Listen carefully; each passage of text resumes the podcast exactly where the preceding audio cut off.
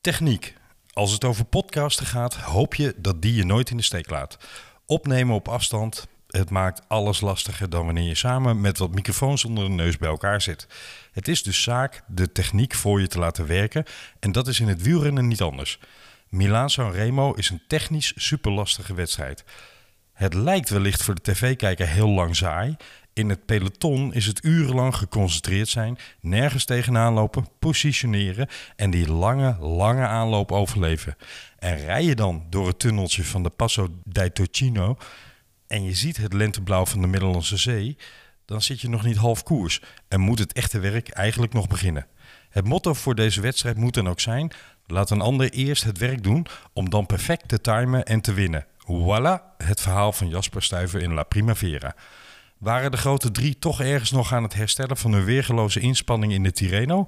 Of was de koers door de wind in de rug te snel en niet hard genoeg om een beslissende jump te kunnen plaatsen op de Poggio? Het oog van de meester had het voorafgaand aan de koers al goed gezien. Zoals Henny Kuiper in onze voorbeschouwing al zei, wielrennen is een heel tactische sport. Het gaat er niet om wie het hardst rijdt, maar wie er het eerst over de meet komt. Jasper Stuyven deed alles goed. Overleefde de Poggio, sprong aan het eind van de afdaling weg op het tactisch juiste moment, herstelde even in het wiel bij Kral Andersen en won zijn mooiste koers tot nu toe. Goed voor mijn Scorito, jammer voor de grote drie. En hopelijk blijven die grote drie zo hongerig en ziet de rest, tussen aanhalingstekens, dat er altijd kans is. Zelfs met Mathieu van der Poel in een witte broek aan de start.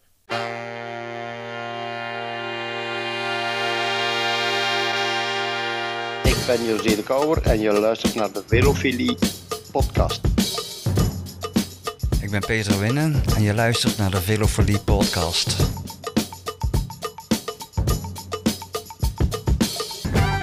De Velofilie podcast.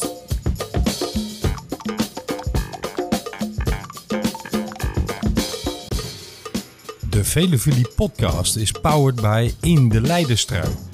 De wielerwebsite voor het laatste nieuws, originele content en belangrijke informatie over alle wedstrijden. In de Leidenstrui.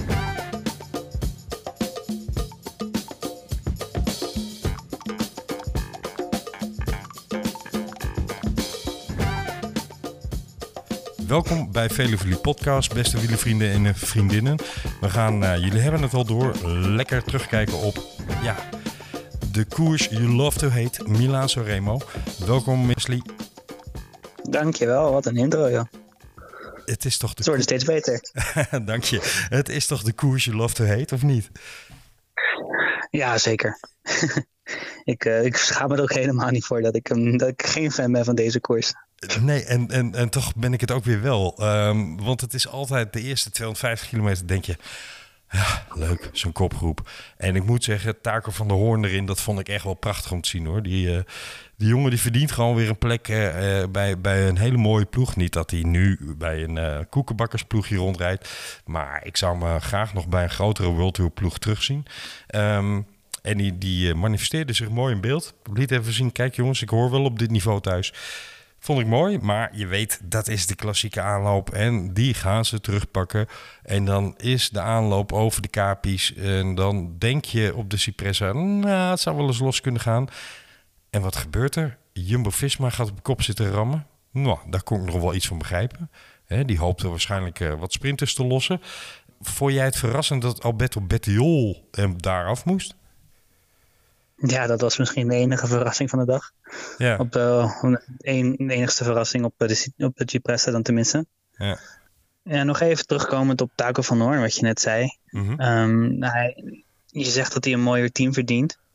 Maar juist in deze rol vind ik hem echt, echt floreren. Anders als, als hij straks weer bij, eh, bij een eh, ja, Jumbo-Visma-achtig team gaat rijden, dan moet hij weer zijn hele, al zijn ballen eruit rijden om, om een kopman in een goede positie eh, af te zetten. Maar juist hier kan hij lekker aanvallen. Blijft hij als laatste van de kop over. Rijdt hij echt misschien wel de beste koers van zijn team. Ik denk dat hij juist hier heel veel baat bij heeft in deze rol. ja, omdat hij meer vrijheid krijgt, bedoel je op deze manier. Bij ja, deze ploeg. en ook gewoon... Ja, ja zeker. Dat, dat hij uiteindelijk... eh, Uh, bij Jumbo-Visma helemaal niet zelfs. En ja, daar heeft hij ook een keer een ronde van Romanië in een groep opgezeten... waar hij dan als laatste overbleef. En dan, dan, dan bewijst hij wel dat hij echt al kan fietsen. En ook wel echt op een goed niveau en heel hard. Maar ja, dat, hij gaat niet een, een, een, ronde van Vlaanderen bij de beste tien rijden. Maar ja, dat, dat, dat kunnen er ook maar tien. Ja, of zelfs minder. Um, ja, precies. Wat zijn toekomst gaat brengen, zullen we zien. Uh, hij heeft in ieder geval weer gezorgd dat uh, de ogen even op hem gericht waren. En uh, dat hij zich in de kijker gereden heeft. Dus dat doet hij goed. Um, maar het is wel grappig, hè, als we het over Milan Sanremo hebben, dan met name in de voorbeschouwing, dan dachten we toch met z'n allen ook dat er geen team waren die hem konden winnen. Hè? Laten we eerlijk zijn. De grote drie en hier en daar misschien nog een kanshebber. Um, frappant was, ik heb Jasper Stuyver in mijn Scorito voorjaarspool, maar echt niet dat ik hem als een van mijn drie kopmannen had opgesteld. Hè? Durf het rustig toe te geven. Dus het was leuk en prachtig dat hij won. En tegelijkertijd is het ook weer zo'n realisatie van, um, ja, het is, het is toch koers. Hè? Het is anders dan ja, wat je vooraf denkt. Um, helaas heeft de techniek ons afgelopen week in de steek gelaten. Want we hadden een hele voorbeschouwing opgenomen uh, een week geleden. Waarin we het onder andere hadden over het diepgaan van uh, de grote drie in, in uh, de Tirreno Adriatico. En of dat nou te diep was. Hè, en of dat herstel wel goed zou komen enzovoorts uit de cijfers blijkt dat. Nee, daar gaan we zo. Ik, ik ga veel te snel door de koers heen. Laten we even teruggaan naar de, de, de, de Cipressa en, de aanloop naar de Poggio. Um, Caviria wappert eraf op de Cipressa. Bettiol wappert eraf. Uh, dat waren nou, de twee opvallende namen al daar. Caviria niet eens zo opvallend, maar um, vervolgens zitten we in de aanloop naar de Poggio en daar heeft Bennett het even lastig. Maar die kwam, uh, die kwam knap terug. Ja, Bennett bewijst wel keer op keer dat hij Milan Remo net niet kan winnen. ja, mooi gezegd. ja. het is er net te ja, veel aan.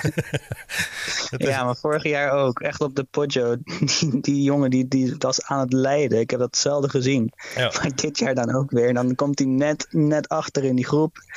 En dan is het toch weer net niet. En dat ja, ook wel ergens weer mooi. En het, het, het uh, frappante van Milan Remo is...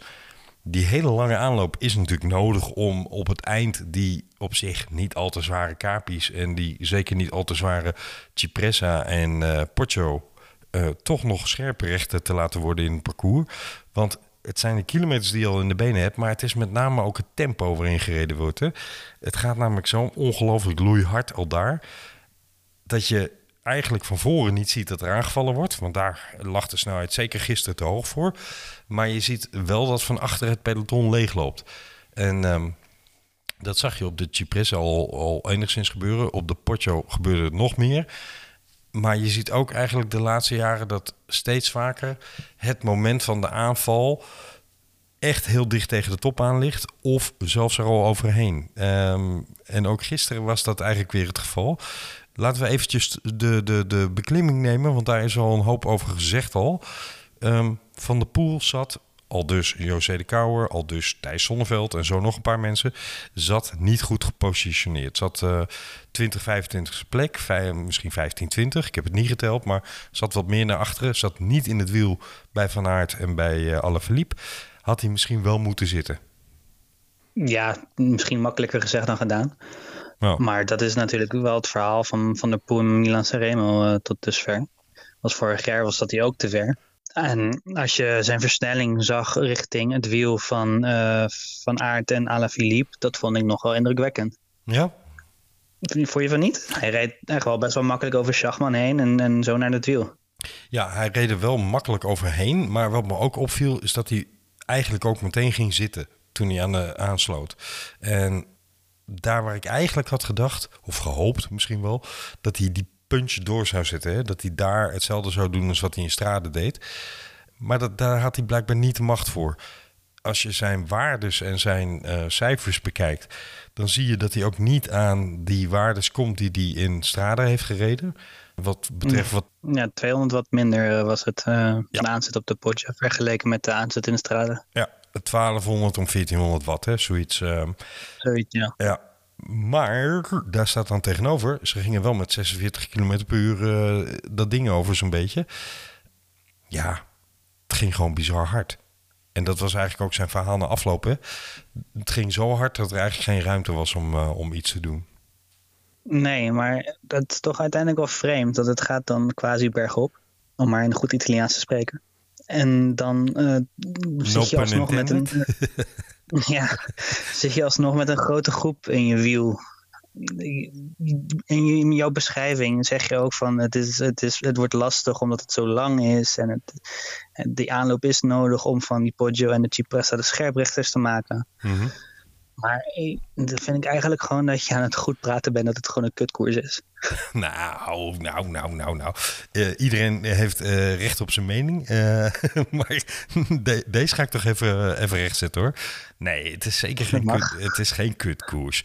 Als je mij zou vragen, zet alle grote monumenten op een rijtje, dan staat hij wel op nummer 5. Dat ben ik geheel met je eens. En toch is er ook iets prachtigs aan. Want het gaat eigenlijk maar om, laten we wel zijn, misschien de laatste 20 kilometer. Als je mazzel hebt. En, en in veel meer gevallen gaat het eigenlijk om de laatste 10 kilometer. En soms zelfs nog iets minder dan dat.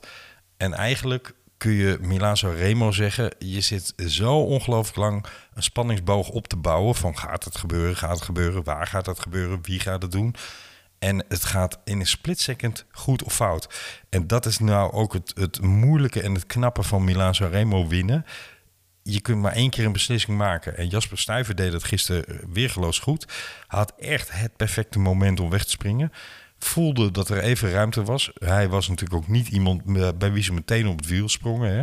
Zoals bij eh, Van Aert en, en Alaphilippe en Mathieu waarschijnlijk wel gebeurd was... als die die poging hadden gedaan. Dus hij kreeg misschien wel meer ruimte dan een van die drie gekregen zou hebben. Maar eigenlijk was de grote bepalende factor het feit dat Ewan in het wiel en op het laatst bij eh, het ronden van de top van de Poggio zelfs op kop, bij gewoon bij die grote vier in, in, in het wiel zat en, en in de buurt zat. En dat ze toen dachten, oeps, Ewan, Ja, dat was mooi om te zien dat Ewan erbij zat. Dat vond ik echt eh, een petje af. Ja. Nu heeft hij wel eerder al bewezen dat hij deze inspanningen best wel aan kan. En dat doet hij niet constant. Hij is heel wisselvallig. Hatterdam hè, Maar in die- bijvoorbeeld. Ja. Bijvoorbeeld ook in die Giro eh, waar Roglic derde werd. Dat was 2019. Ja. Dat een hal- halve peloton was gevallen. Dat hij uiteindelijk eh, achter Carapaz tweede werd op een heuveltje. Hij bewijst dat wel vaker. Dat, dit kan hij echt wel. Maar om nog even terug te komen. de- mijn uitspraak over die koers. Dat, dat- daar heb ik natuurlijk ook wel argumenten voor. Het is niet dat ik dat zomaar zeg. Ik wil ze helemaal niet horen. Jawel, ga je gang. Nee, je wilt. nou ja, ja ik, ik bereid me wel gewoon voor op deze uitzending. En dat snap je. Eh, het, is, het is niet te horen. Nee, ga door, ga door. het hele wielrennen verandert. Je hebt, je hebt een nieuwe generatie en die rijdt attractiever. En dat alle, alle wedstrijden die, die, die hebben daar baat bij. Want alle wedstrijden de laatste tijd zijn, nou, bijna alle wedstrijden zijn leuker om te zien dan het was een paar jaar geleden. Ben je het daarmee eens? Absoluut. Je hebt ook dus die wedstrijden die hun parcours, parcours aanpassen naar, naar wat ze verwachten. Ik bedoel, de Ronde van Vlaanderen heeft al een paar keer een aanpassing doorgevoerd. De, de Amstel Gold Race die zit een beetje te spelen. En daar hebben we echt prachtige koersen gezien de laatste tijd. Ja. Maar dan de allersaaiste koers. Nou ja, de aller twee saaiste koersen. Met de Waalse pijl erbij ook. Die doen gewoon nooit wat aan hun parcours. Die gaan nooit rond een tafel zitten en denken van... hé hey, jongens, hoe kunnen we het leuker maken?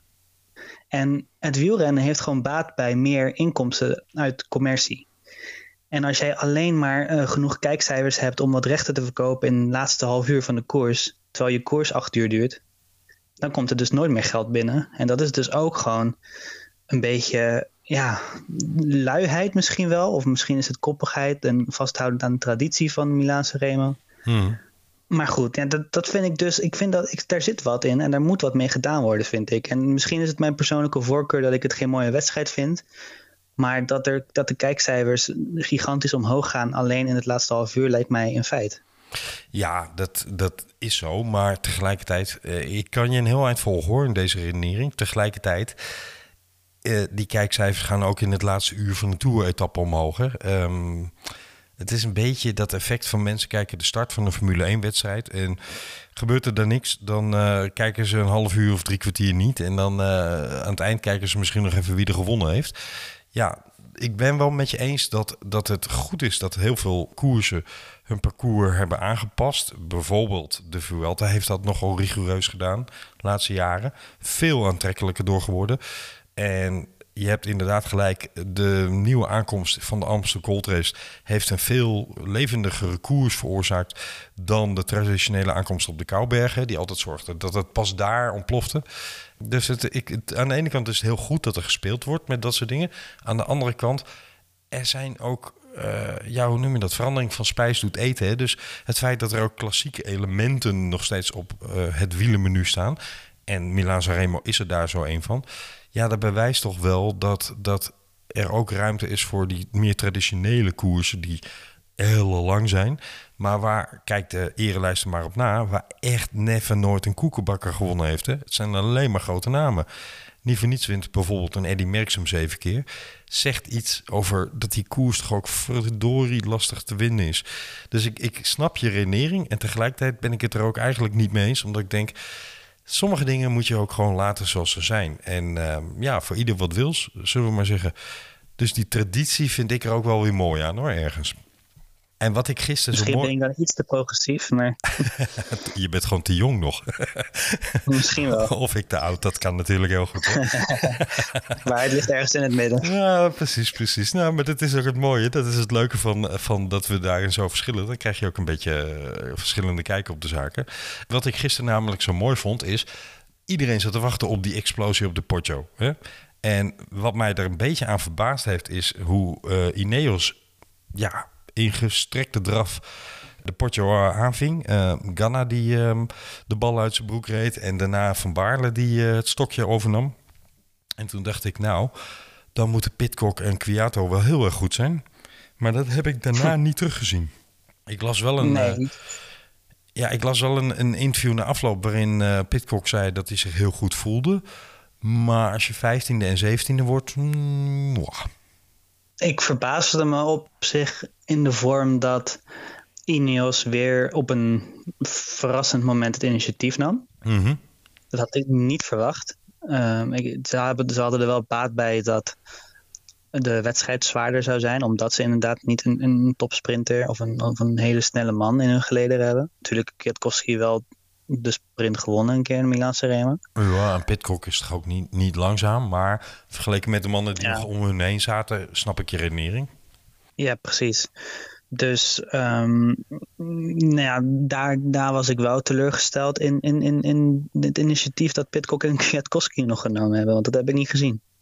Ja, behalve in de afdaling. Hè? Daar ging Pitcock, eh, probeerde die even weg te sluipen. En toen dacht ik, oh, dit is leuk.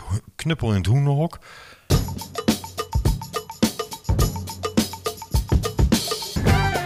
Maar terug naar, naar het moment daarvoor. We zaten met z'n allen op het puntje van de stoel. Eindelijk, na 290 kilometer, zitten we in die laatste 500 meter van de Poggio. En eigenlijk zaten we met z'n allen te wachten tot alle verliep of Van Aert of Van de Poel zou aanzetten en zou zeggen... nou, de groeten, ik ben er even van tussen. En degene die zich niet kon beheersen was alle verliep. Althans, die op precies hetzelfde moment als dat hij het vorig jaar deed eh er van tussen ging. En ik dacht meteen, hey, dit is niet de punch. En toen zag je een klein groepje met een man of tien kon volgen. Je zag eh, Van de Poel opschuiven en, en aansluiten. En vervolgens trok Van de Aert nog even door. En ook daar dacht ik van... Hm, het zit er nog net niet op, zeg maar. Er ontstond wel een klein gaatje. We hadden nog vijf, zes man over. Of vier, vijf man. Maar het was niet de punch.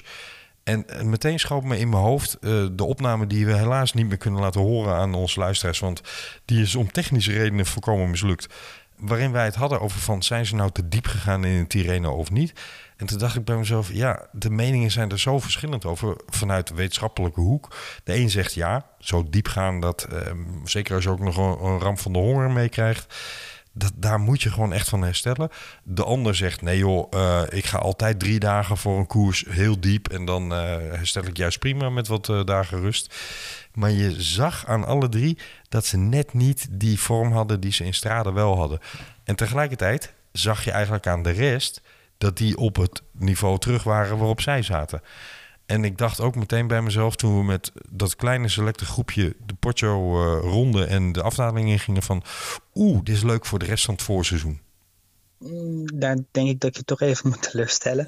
want, want alle andere wedstrijden die zijn toch, tenminste waar we naar uitkijken, zijn wel lastiger dan Milan Remo. Zeker. En het mooie van de, van de Strade Bianche is, is dat die wedstrijd is zo zwaar. En als je dan nog 1100 watt kan halen, dan ben je weg.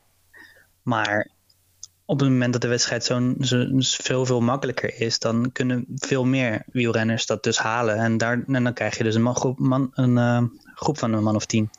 Ja, maar wielrennen is ook de sport van het jezelf voor de gek houden. Um, het is een sport waarin je moet leren omgaan met verlies. Want je verliest 99 van de 100 keer. En die ene keer dat je wel wint, verliezen de andere 199. Dus wielrenners moeten constant zichzelf voor de gek houden door te zeggen: ik kan winnen vandaag. En was het nou gisteren de uitkomst geworden waarvan we van tevoren met z'n allen zeiden: Nou, dit is bijna onvermijdelijk. Eén van die drie gaat er zo ongenadig hard opklappen op de potjo. Ja, daar heeft de rest gewoon geen kans. Dan, dan was dat eigenlijk een bevestiging geweest die de moraal van die anderen ja, eigenlijk alleen maar verder uh, naar beneden kon trekken. En nu denk ik dat die mannen toch stiekem bij zichzelf denken: Nou, zie je wel, zo ver zitten ze niet bij ons vandaan.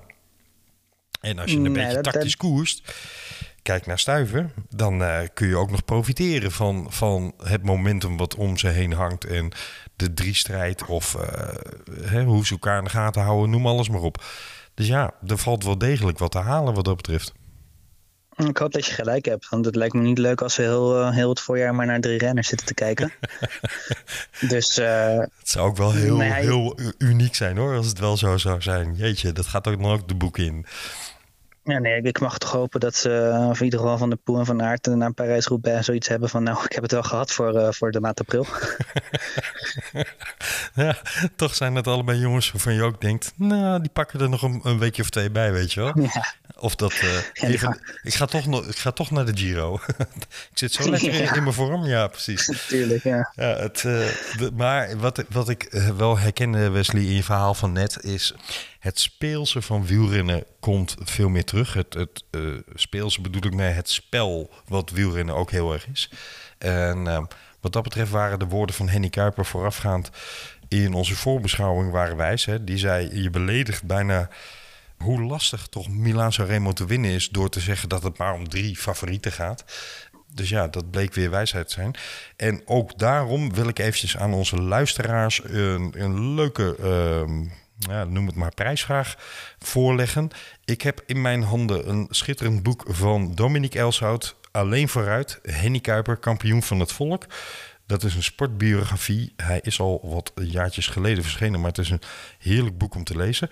En uh, het bijzondere is, dit is een gesigneerd exemplaar door de grootmeester zelf, Henny Kuiper.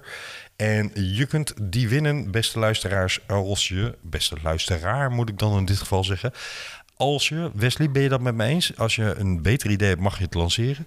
Als je de leukste, meest opvallende, grappigste, meest bijzondere recensie op Apple Podcast schrijft. En uiteraard hoop ik dan wel dat het een positieve waardering is. Of heb jij een ja, beter krijg je het boek niet. Nee, anders krijg je het boek niet. nee. Als je zegt het is allemaal drie keer ruk, ja, dan uh, gaan we je niet belanden ja. natuurlijk. Nee, of je, heb jij een beter idee? Wil je er een, uh, een voorspelling uh, aan hangen van wie wint de Ronde van Catalonië of uh, wie wint de E3-prijs of misschien zelfs wie wint de Ronde van Vlaanderen? Dat is wel heel ver weg, toch? Ja, ja dan zitten we al over twee weken. Ja, precies. Ja. Nou, de, een voorspelling is altijd leuk, maar we hebben laten zien dat het wel heel lastig is. Precies. dus uh, laten we maar gewoon lekker een leuke recensie doen. Ja. En uh, met, een beetje, met een beetje mazzel krijgen we dan ook nog een leuke recensie over ons heen. En zo niet, dan houden we het boek lekker voor onszelf. Hey, uh, nou heb ik hem gelukkig dubbel, dat uh, moet ik eerlijk bekennen. Okay. Uh, weliswaar niet gesigneerd hoor, dit is een uniek exemplaar. Ehm, maar ik heb hem wel zelf en ik heb hem ook gelezen. En het is een prachtig boek. Dus daarom denk ik ook dat het een leuk cadeautje is voor degene die de leukste recensie achterlaat. Dat kun je doen op Apple Podcast. Maar eh, je kunt het ook via een audiobericht doen op www.vriendvandeshow.nl slash velofilie. En het voordeel daarvan is dat we je dan eventueel ook weer terug kunnen benaderen. Want als je daar ook je adres inspreekt, knippen wij dat er natuurlijk gewoon af in de uitzending. Maar kunnen we je wel eh, contacten, zodat we ook even kunnen nagaan waar dat boek naartoe moet. Want we hebben natuurlijk wel adresgegevens nodig om het op te sturen. Ik heb toch wel stiekem, Wesley, genoten en, en uh, afgezien. Ik heb, uh, zoals de luisteraars misschien kunnen horen, een, lichte verkoudheid onder de leden. Want ik heb uh, zaterdag een groot deel van de dag met een hoge drukspuit in de tuin gestaan. Ondertussen Milan Sanremo op mijn oortjes en de telefoon op Eurosport in mijn binnenzak. Dus ik heb de heerlijke conversaties van onze vrienden Jeroen van Bellegem en Karsten Kroon prima kunnen volgen. En Bobby Traxel uiteraard in de ochtend. Hoe heb jij je zaterdag doorgebracht? Nou, ik heb uh, veel gewandeld. Ik heb 7,5 kilometer gewandeld zaterdag. En toen uh, zei ik tegen mijn vriendin: Ja, ik moet echt naar huis nu, want uh, Milan Remo.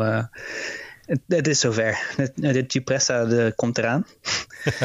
um, dus nou ja, ik heb, ik heb al zo vaak heb ik de hele middag gezeten voor Milan Remo. En dat, dat kon ik nu niet maken tegenover mijn vriendin. dus uh, nee, ik heb de laatste 50 kilometer gezien. Uh, en, en, dan moet ik zeggen, dan is het ook wel echt, echt spanning. Dan, dan, dan zie je iedereen als een kamikaze-piloot in een goede positie willen zitten.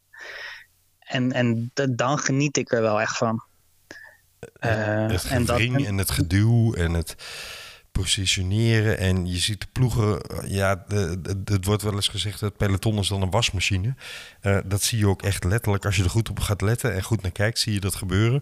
Je ziet mensen naar voren komen, je ziet mensen weer terugvallen. Je ziet mensen, en zeker als het niet zoals Ineos uh, een ploeg is die de luxe heeft, Ineos moet ik zeggen, een ploeg is die de luxe heeft dat ze vijf, zes man op dat moment nog in koers kunnen hebben.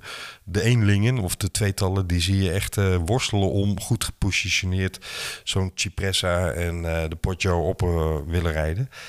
Het is, het is echt een, een prachtig, machtig spel om te zien. Als je van dat soort details houdt. En ik hou er wel van. Ik, ik ben er eigenlijk gek op, moet ik eerlijk bekennen.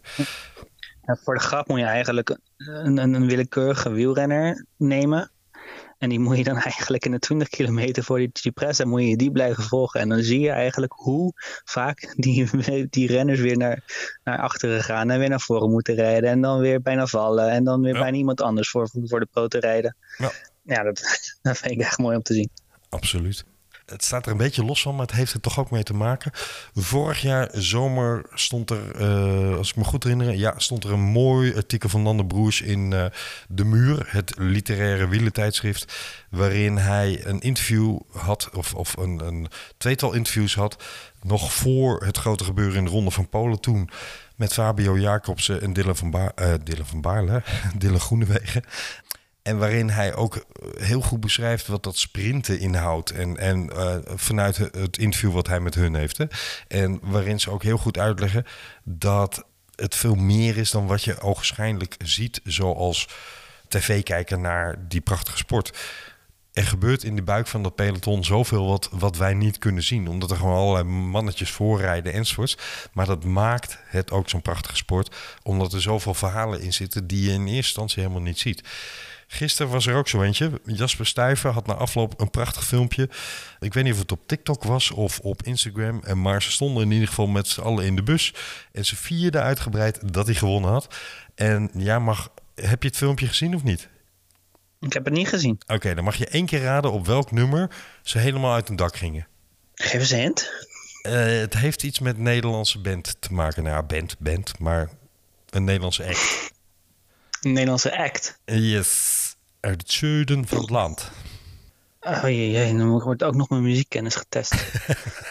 nou, sommige mensen zullen zeggen, nou, muziekkennis. Maar uh, nee, ze gingen helemaal los op de snollebolletjes, van links naar rechts. En dat, dat, Oh, ik, ik wilde net zeggen, ik moet zuipen. dat nummer, dat maakt toch wel opgang in het peloton hoor. Je, ziet- je ziet het echt steeds vaker terug bij allerlei ploegen die niets met Nederlanders te maken hebben, dat ze op dat nummer losgaan. Heel grappig.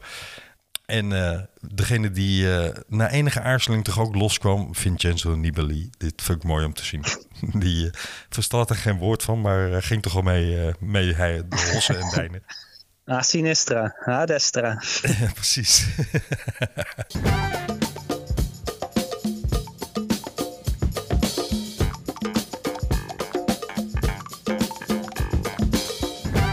Eh, we hebben de langste, mooiste koers van eh, eh, de langste, mooiste saaie koers van het jaar gehad. Eh, we gaan op naar weer wat prachtige wieler momenten. En uiteraard ook monumenten. Eerstkomende Ronde van Catalonië, denk ik. Dat, ja, dat gaat morgen van start, Yep. als ik het goed heb. Ja, dat mooi parcours man. En sinds de eerste keer sinds jaren dat er een tijdrit is opgenomen in het parcours. Ja. Was ook wel nodig, moet ik zeggen hoor. Dat is eigenlijk altijd een beetje van hetzelfde. Twee halve sprintritten die niet allemaal, eh, niet helemaal zo volgens plan verlopen. En dan bergritten en, en dan, dan die slotrit in Barcelona. Ja, groep. Ja. Ja, nu met die tijdrit, dan, dan wordt, wordt er ook iets meer dynamiek in de wedstrijd gebracht. Ook dat er iets gedaan moet worden in die bergritten. Dat, dat de renners achterstand moeten goedmaken. En dat, dat, dat een Quintana weer ergens moet aanvallen. Nou, daar ben ik wel blij mee. Het verheugt mij als eh, grote tijdritliefhebber eh, enorm dat de tijdrit weer aan een oprit, eh, oprit op Mars bezig is. We zagen het in de afgelopen toer alweer. En ik ben blij dat, dat de tijdrit weer steeds meer gewaardeerd gaat worden. Hij mag wat mij betreft gewoon terug naar van die heerlijke tijdritten van dik 50, 60 kilometer. Waarin er met minuten gesmeten kan worden. Top. Ben ik eigenlijk misschien ook wel weer een hypocriet. Want ik heb net een heel betoog gehouden over hoe zij Milan Sanremo wel niet eens. En- Maar als, als het over een tijdrit van 80 kilometer gaat, dan zit ik aan het buis gekluisterd. Kijk, en er zijn mensen die gaan echt nog liever dood onder de zoden liggen dan dat ze dat moeten kijken. Dus dat is, Ja. het, dat is het mooie van de wielersport. En dat is eigenlijk precies wat in Milaan Remo samengevat wordt. Hè. Het zit er allemaal in en je kunt ervan houden, je kunt er niet van houden, maar die tegenstrijd, eh, tegenstrijdigheden en die, die, ja, het zit allemaal in de wielersport verpakt. Het duel de duels tussen Wout, Mathieu en uh, Alaphilippe, ja, uh, Julien, dat zal uh, voortgezet gaan worden. Niet aankomende vrijdag, als ik het goed zeg uit mijn hoofd, voor in de E3-prijs. En ook niet in Gent-Wevergem, want daar gaat Mathieu niet van start. We gaan ons eigenlijk langzaam maar zeker opmaken voor het paasweekend. Want dan gaat de hoogmis van start. En uh, ik ben razend benieuwd hoe we dan met die mannen uh, er qua vorm voor staan. Laten we hopen dat iedereen behouden blijft wat betreft corona en toestanden. En uh, ja, dat we gewoon prachtige koersweken tegemoet gaan. Dat lijkt me wel. En, en, en alsjeblieft laat Parijs-Roubaix doorgaan. Want dat lijkt me niet, dat is niet, niet zeker natuurlijk, met die, met die lockdown daar in die regio. Nee. Maar, maar nog een jaar zonder Parijs-Roubaix, daar ga ik niet overleven. Ik moet je bekennen, ik zou het afgrijzelijk vinden als ze hem uitstellen. Maar liever dat nog dan afstellen. Want twee jaar achter elkaar geen Parijs-Roubaix, dat is wel killing, ja. Dat, dat mag eigenlijk niet gebeuren. Niet met een Mathieu van der Poel en een Wout van Aert. En ook een Tom Pitcock en, en uh, ja, nog meer mannen die uh, van die jonge generatie met uh, bergen aanvalslust en bergen techniek om die koers goed te kunnen rijden. En die dan weer niet van start zouden kunnen gaan. Ja, dat zou wel een ramp zijn. Gaan we vooralsnog niet vanuit Wesley. We eindigen met een positieve noot. Kijken we nog speciaal naar een ploeg of een individuele renner in Catalonië? Ineos heeft alweer een ziek goede ploeg aan de start staan daar. Hè? Ja, dat wilde ik net zeggen. Dat duel tussen Ineos en Jumbo-Visma in Catalonië, dat is er wel eentje om je vingers bij af te lekken om er maar weer een cliché in te gooien. Nou. En de, in, in, Ineos die start daar met uh, Carapaz, Yates, Port, Thomas, Dennis, Castroviejo en Rowe. Dat is niet uh, het minste team dat je kan opstellen. Nee. Maar Jumbo-Visma zet daar tegenover Kruiswijk, Bennett, Kus, uh, Gezing, Bouwman, Tolhoek, Harper. Nou, dat, dat, dat is ook vol, vol, vol klimmers. En ik denk dat daar wel een voorproefje van de Tour weer komt, hoor. Ja, precies. Uh, Kus, overigens uh, tussen neus en lippen door, heeft volgens mij drie jaar bijgetekend. Prachtige uh, resigning, zoals nieuws daarover vanuit Jumbo-Visma naar buiten kwam. Want ja, niet de volgende, de plus die weggaat nadat hij één of twee seizoenen goed rijdt. Hè. Dus mooi dat, dat ze die hebben kunnen behouden. En Harper, dat is ook wel een, een jongen die, die met het oog op de toekomst, hè, waar je echt een, een oogje in op moet houden. Die gaat ook nog wel uh, mooie dingen laten zien, vermoed ik zo. Prachtige ploegen. En inderdaad, het is de eerste generale. Er zullen er nog een paar volgen, maar de eerste generale repetitie richting de Tour. En ik ben benieuwd of we bij Jumbo, het is maar een week, hè, ik bedoel, het is geen drieweekse koers. Maar of we bij Jumbo toch iets meer gaan zien van vernieuwing van ehm, de, de tactiek en de koerswijze zoals ze die uh, in de Tour hadden. Of dat ze het nu toch anders gaan aanpakken. Wordt leuk. Wordt uh, mooi om te volgen. Wesley? Zeker. En ook nog, uh, ook nog de entree van Kelderman. Hè? Die mogen we niet vergeten. Absoluut. En um, wat ik gehoord heb, is die echt weer op punt. En zijn zijn waardes goed. En dat blijft toch elke keer weer knap van die gozer. Dat hij uh, constant na blessures en na van alles gebroken te hebben... en weet ik veel wat allemaal weer terugkomt... En gewoon meestal weer ook om de knikkers mee kan doen. Wat een talent heeft die gast. Veerkracht heeft hij ook. Ja, de harde kop heeft hij zeker. En dat uh, is in, in, de wielersport alleen maar te prijzen. Wesley, we gaan hem afronden. Dankjewel. We gaan uh, volgende week weer heerlijk terugkijken op uh, de ronde van Catalonië en de E3-prijs die dan geweest is volgens mij. En tot die tijd geniet van de koers. Ja, dankjewel. Hetzelfde. Alright. Spreek je snel. Tot snel. Hoi. hoi, hoi.